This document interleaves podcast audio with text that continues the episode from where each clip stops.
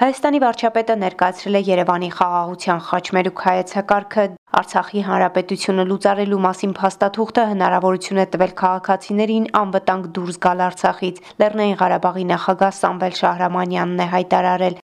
Մենք ունեցել ենք մի նպատակ՝ փրկել արցախցիների կյանքերը, փրկել մեր բանակի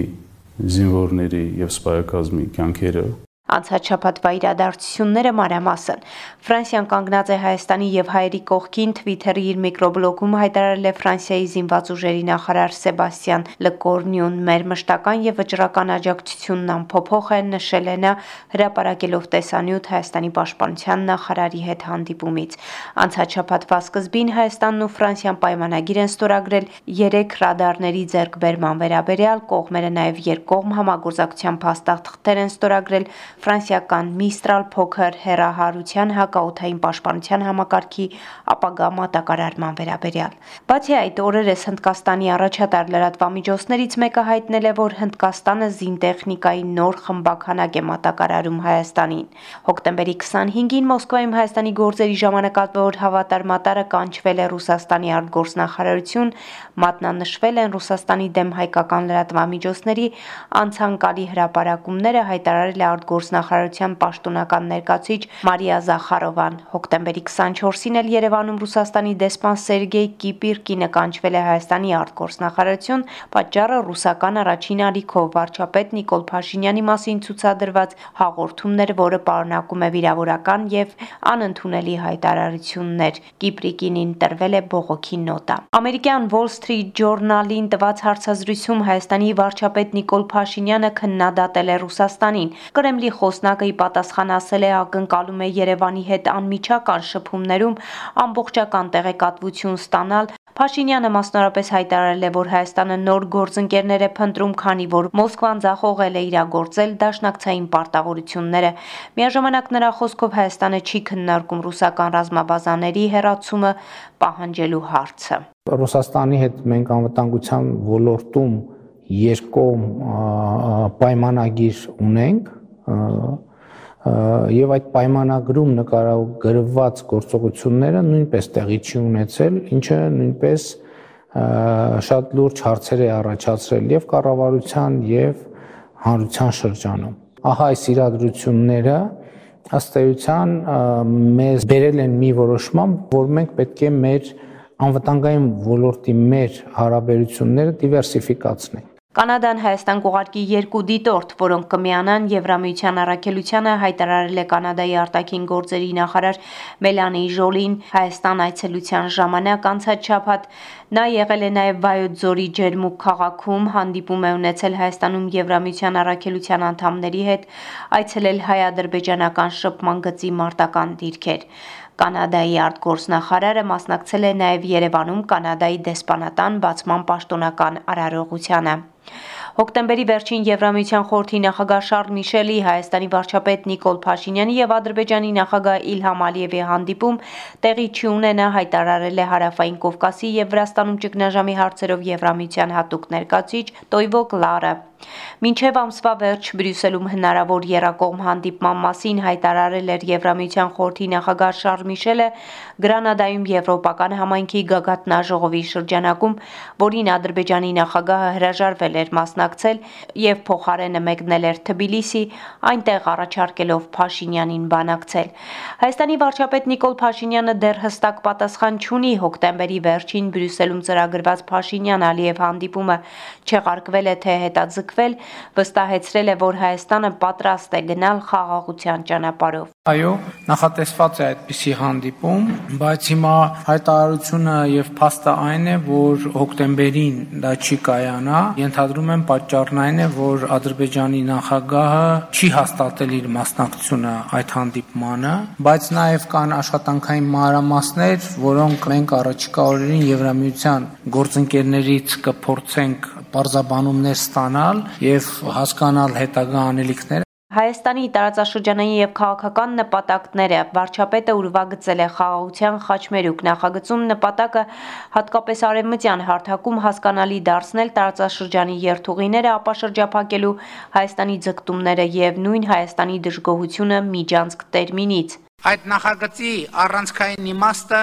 Հայաստանի, Թուրքիայի, Ադրբեջանի, Իրանի Իսլամական Հանրապետության միջև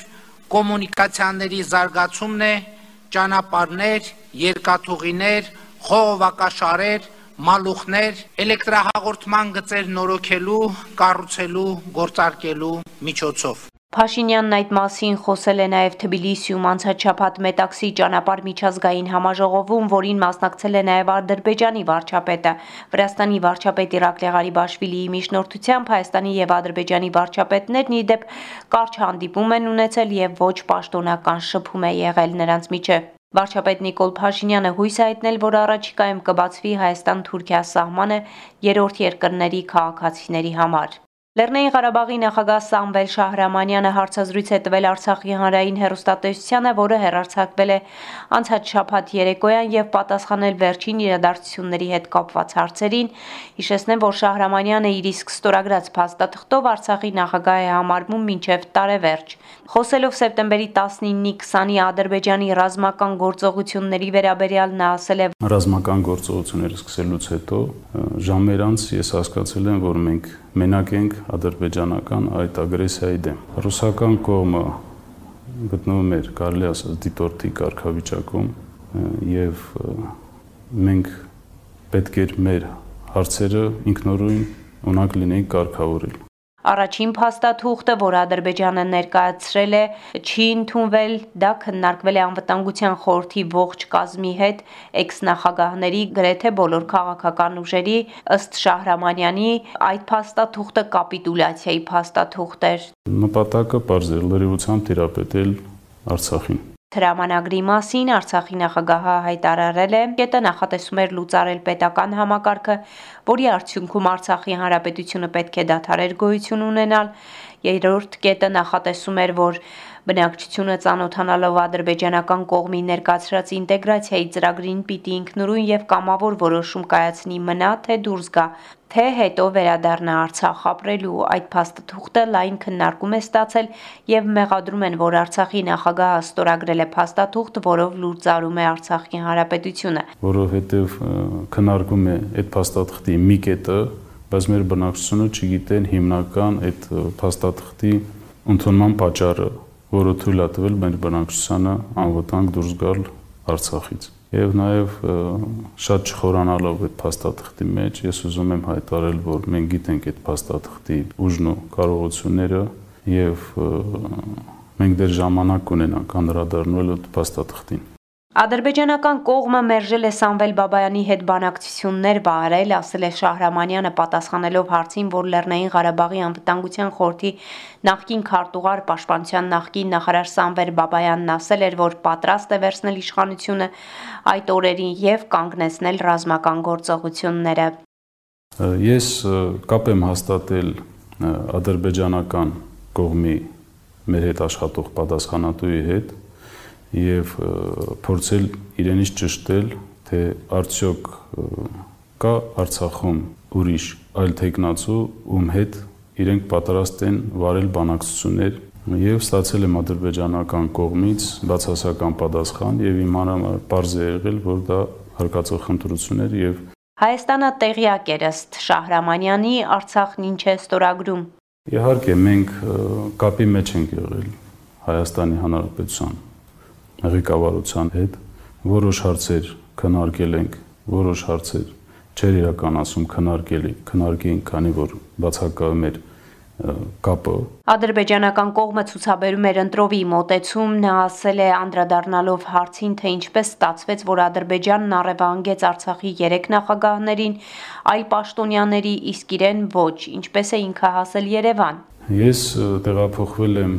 ուղաթիրով Ուղաթերում տեղափոխվել եմ ես, Պաշտպանության նախարարը եւ իմ անվտանգության երկու աշխատակից։ Մենք հասել ենք Սիսիան ուղաթերով։ Արցախի վերադարձը մեր օրակարգում է, ասել է Շահրամանյանը, դրանով հետաքրքրված են Եվրոպան, Միացյալ Նահանգները, Ռուսաստանը, կարծում եմ նաև Ադրբեջանը, ասել է նա։